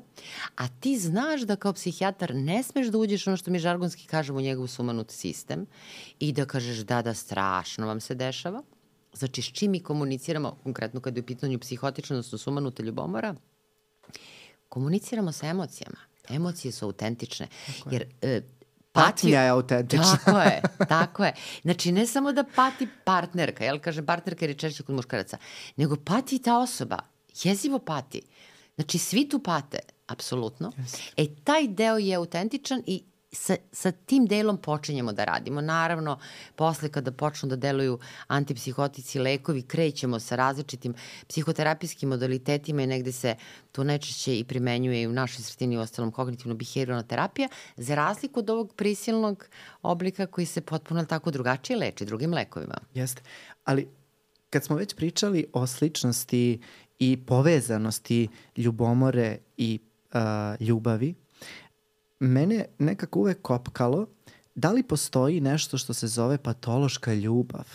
Da, da. I uve, sada Da, govorimo, da, govorimo da, o da. pristupu normalnoj i patološkoj ljubomori, a ljubav je takođe emocija koja čini mi se u nekim momentima može da pređe tu finu, zamagljenu nekad granicu normalnosti i patologije.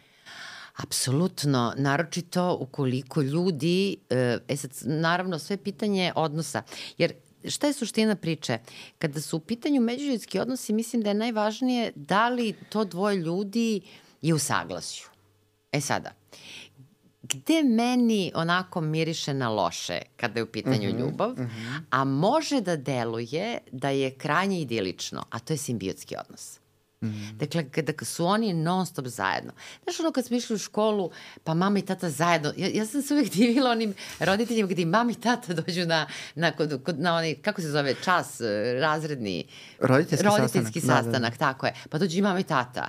Pa svuda su zajedno. Znači, apsolutno se ne odvajaju. A onda prođu godine i onda odrasteš i onda čuješ za tog druga ili drugaricu da su ti roditelji varali jedno drugo, da su imali pakao od života i tako dalje ali ta njihova potreba za ovaj, tim nazovi simbiotskim odnosom gde su kao nerazdvojeni i apsolutno su svuda zajedno.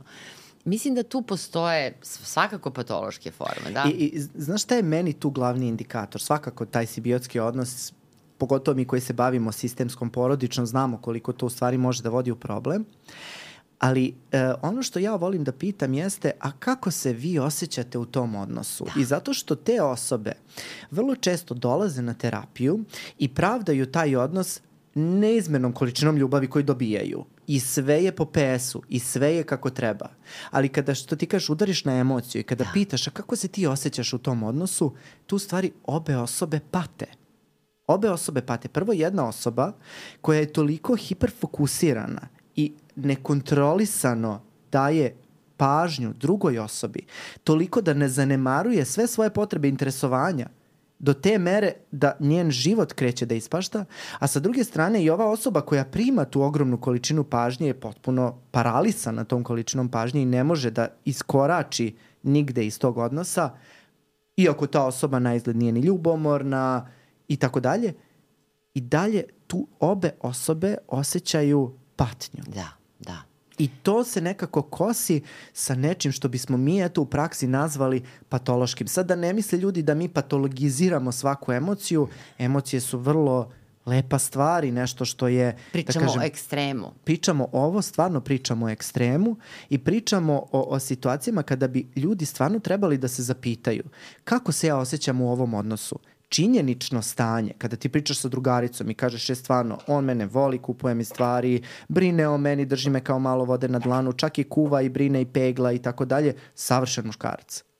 Ali ja se osjećam loš, moj osjećaj, mene ne, ovo mene ne ispunjava.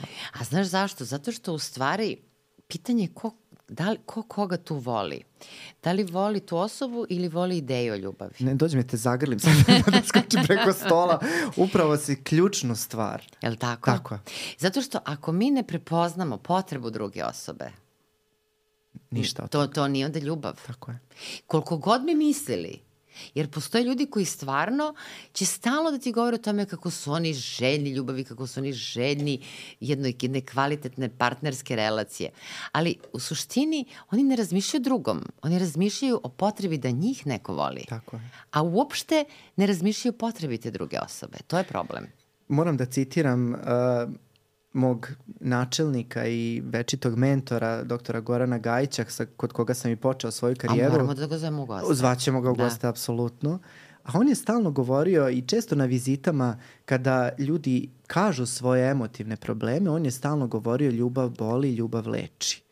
I nekako kad razmišljaš o tome, ja dosta dugo sam koristio tu frazu i dan danas je koristim, ali sad evo iz ove perspektive kada govoriš o tome, stvarno jedna emocija kao ljubav koja, koja se stvarno nekako percipira kao jedna najlepša emocija koju čovek može da osjeća, može užasno da boli. I ono što je meni bilo interesantno, ja sam e, našao jedno predavanje, bože opet kažem predavanje, jedno istraživanje koje se bavilo ljudima koji imaju patološke, koji ispoljavaju patološke oblike ljubomore i patološke oblike ljubavi, odnosno tu neku svojevrsnu posesivnost ka drugim da. ljudima, da. preveliku posvećenost. Ono što su naši, što je meni potpuno eksplodirao mi je mozak od te informacije, da su ljudi koji pate od patološke ljubomore mnogo češće u vezama nego ljudi koji pate od patološke ljubavi.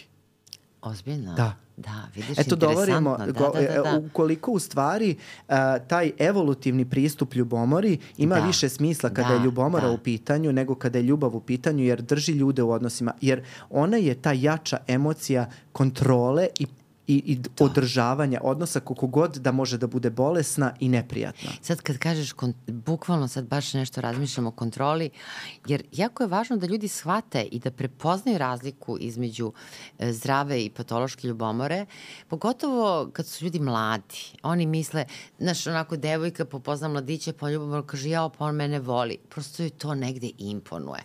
E sada tu treba da napravi razliku, u stvari da li je to u pitanju prolazna faza njegove nesigurnosti ili u pitanju ozbiljan poremećaj i ozbiljan problem, ta kontrola, ta stalna potreba da se bude u vidnom polju osobe. Ja čula sam za slučaj osobe koja nije htela da ode u drugu sobu da legne, da spava, iako je umorna. Imala je potrebu da sedi u sobi u kojoj ova druga radi, a u stvari u osnovi je bila jedna užasna ljubomora, iracionalna, krajnje iracionalna ljubomora sa potpuno tumačenjima koji su imali bizarni kvalitet. Ali koliko, izvini, molim da, da, ali da. koliko to mene u stvari podsjeća na ono što smo pričali na samom početku, a to je ponašanje jedne bebe. Da. Jednog nezaštićenog, nezrelog, nezrelog deteta. Da nesigurnog. Nesigurnog deteta. Jezivo nesigurnog. I iz čega u stvari ovo sve potiče? Da. Iz jednog suštinskog, užasnog osjećanja nesigurnosti koje izjeda iznutra i ne može da se kontroliše i širi se i poprima upravo te vrste ponašanja da. koje se sasvim sigurno mogu reći toli, do te mere regrediraju da se ljudi ponašaju kao deca. A drugo, takođe isto postoji ona jedna vrsta generalizacije koja je jako loša uh, i to nepoverenje u suprotan pol. Recimo, znaš, ona rečenica sve žene su amoralne, ili svi muškarci su prosto isto promiskuitetni ili amoralni, a opet, kažem, kulturološki, jel, kao vrline ili mana, jel? U zavisnosti, pogotovo u patriarhalnim sredinama. Tako da, kada pogotovo muškarci kreću od te premise da ženi se ne treba verovati, da su sve žene nemoralne, onda to znači i njegova partnerka je takva i sigurno će on jednog trenutka u stvari naći dokaz njenog neverstva i njene ljubomore. I sada, znaš, nekako kada pričamo o toj agresiji, naravno agresija ne vodi uvek ubistvo, Bogu hvala, međutim, jezive su stvari koje su takve osobe u stanju da rade, da mm, fizički zlostavljaju, evo, rekla sam ti, ova žena imala deformisana stopala, on je nju tukao jezivo, da ne pričam o pretnjama, tako, sipanja sone kiseline u lice, da izmeni fizionomiju, pretnje nožem, gašenje cigareta po telu negde kada a ono što mi se dopada, sve više se negde osvešćujemo u pogledu tog nasilja, porodičnog i partnerskog i svakog oblika nasilja, ovaj, jako je važno nekako da, šta se dešava s tim ženama? Jer da li one imaju uvek oslonac u svojoj primarnoj porodici? Da li one mogu da se vrate kući? Koliko puta si čuo da ti žena kaže, ali ja nemam gde da se vratim? Da I kada god govoriš o toj generalizaciji, mi prosto znamo koliko generalizacije i bilo kakav način ekstremnog razmišljanja nije dobar i upravo potiče iz te, isto, iz te nesigurnosti. Ja se uvek pitam koliko ta generalizacija upravo ima veze sa ovim što si ti pomenula, a to je uh, uh, iz osjećaja sobstvene uh, projekcije, odnosno da osoba svoje nesvesne želje, nesvesne sadržaje i potrebe za prevarom, na primer, projektuje u svoju voljenu osobu i u stvari generalizuje to na ceo svet. Jeste. To meni samo zvuči kao jedan ekstreman oblik projekcije. Jeste. Rafal, Upravo. projekcija Ra- ra- prema celom Rafal. planeti. Da. Rikošet jedan veliki, Rikošet, jeste. tačno, rikošet. Da. Ali bukvalno. A opet s druge strane, e, ovaj, kada već pričamo o nekom svakodnevnom kliničkom radu i praksi, jedan, jedan čudan slučaj mi se desio, bilo je leto i znaš kako leti onako preuzmemo da vodimo pacijente na odelenju i od kolega koji su naravno na odmoru i vodila sam jednog relativno mladog čoveka koji je meni delovao zdravo, ali on je imao ozbiljne lekove. I sad je meni čudilo, on pije lekove na odelenju, kad kažem ozbiljne lekove koje bi ti i ja da popijemo, ili naši slušalci spavali bismo pet dana u kontinuitetu, mislim, baš jaki onako sedativi. Možemo i to da probamo, Da, da probamo. epizodu. da, da, da. Ovaj, ali u svakom slučaju, on je to lepo nosio. I I uvek se zapitaš, zar ne? Da, kako je moguće kako je, ovo? Šta se dešava? A on potpuno mi deluje okej. Mislim, ne vidim ja nešto, neku patnju, neku ozbiljnu patologiju. I pozvam ja njegovu ženu na razgovor. I u stvari ona mi objasni o čemu se radi. Radi se o tome, oni su jako siroti, živjeli su u jednom siromašnom nasilju, ona je bila bez posla, imali su troje dece, povremeno je čistila tuđe kuće i on je, nažalost, bio jako promiskuitetan i jako je varao. I čak e, je trpela da kada dovede ljubavnicu u kuću, ona izađe iz kuće. A onda je sve kulminiralo time što je bio u vezi sa jednom maloletnom devojkom i ta maloletna devojka ostala u drugom stanju. I onda je otac te maloletne devojke u stvari pokrenuo sudski proces i tako se on u stvari našao na odelenju. I on je zaista bio napet jer se on nalazi u jednoj realnoj, stresnoj situaciji jer ga je čekalo ovaj suđenje. I onda sam shvatila zašto može da nosi tolike količine jer je bio jezivo napet, ali zbog sebe. I onda kada sam detaljno pričala s tom ženom, naravno da su meni javio impuls da njoj pomognem. Ja sam je pitala, prvo imala decu s njim, drugo, ona je tu devojčicu s kojom je on bio u toj vezi intimnoj, gde ona izađe iz kuće da bi on bio sa njom, ona nju poznavala od detinstva. Onda su, naravno, vređali njenu decu u dvorištu i tako. Ja sam ju pitala, a kako se ona osjeća, šta ona osjeća prema njemu? Ona je svaki dan njemu donosila hranu. Svaki dan u bolnicu. Ona je meni samo rekla ništa. Ja kažem, ali da li ste ljuti? Kaže ona, ne. Kao da je odustala u stvari od života. Ja nisam imala doživlje da ona nije ljubomorna. Verovatno ona prošla kroz sve faze. Jednu, u stvari, jezivu nemoć je osjećala, jer ekonomski nije mogla da ode, ona nije imala posao, ona imala decu koje treba da brine o bazičnoj egzistenciji, ona nije imala roditelji koji su mogli da je pomognu i ona je u stvari u toj nemoći funkcionisala potpuno prilagođena na jednu jezivu situaciju. Tako da čak eto postoji i takvi slučajevi, Da. nažalost, da. da prosto da kažem emotivno otupe da. ljudi kada da. dugo žive u jednom užasnom osjećaju nemoći. Nemoći, a pogotovo u slučajima kada roditelji kažu ne, ne, ti si se sad udala, molim, to je tvoja porodica, ti tu moraš da živiš.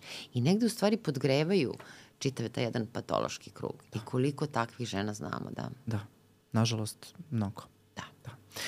E, možemo negde i da završimo, da kompletiramo sada ovu priču, ali moram da kažem da evo upravo sada uh, planiramo da snimimo i video za Patreon, a ono što verujem da će biti mnogo uh, komentarisana stvar jeste da se nismo dotakli toga, a šta s tim? Jer sećaš se koliko smo Da. imali komentara gde se mi filozofski bavimo nekim pojmovima, a ne Da. kažemo šta s tim. E, upravo ćemo taj video da snimimo, šta s tim, a, šta s ljubomorom, šta s patološkom ljubavi, kako se u stvari na koji način leči, koje mi ove lekove koristimo i koje vrste psihoterapijskog pristupa u našem Patreonu. Slažem se s tobom 100%. Tako da eto i ovom prilikom bih voleo evo da motivišem ljude koji nisu do sada da se pretplate na naš Patreon, a ukoliko to ipak ne žele da urade, a žele da podrže naš rad, mi želimo u stvari da vas motivišemo da se subscribe-ujete na naš kanal, da lajkujete ovaj video i naravno podelite vaše neke impresije na ovaj naš razgovor kojima, koji, za koji se nadamo da, da, da vam se svideo. E, ovo je bila ljudi moji još jedna epizoda e, dva i po psihijatra. Mnogom hvala što ste bili sa nama danas i vidimo se sledeće nedelje. Ćao!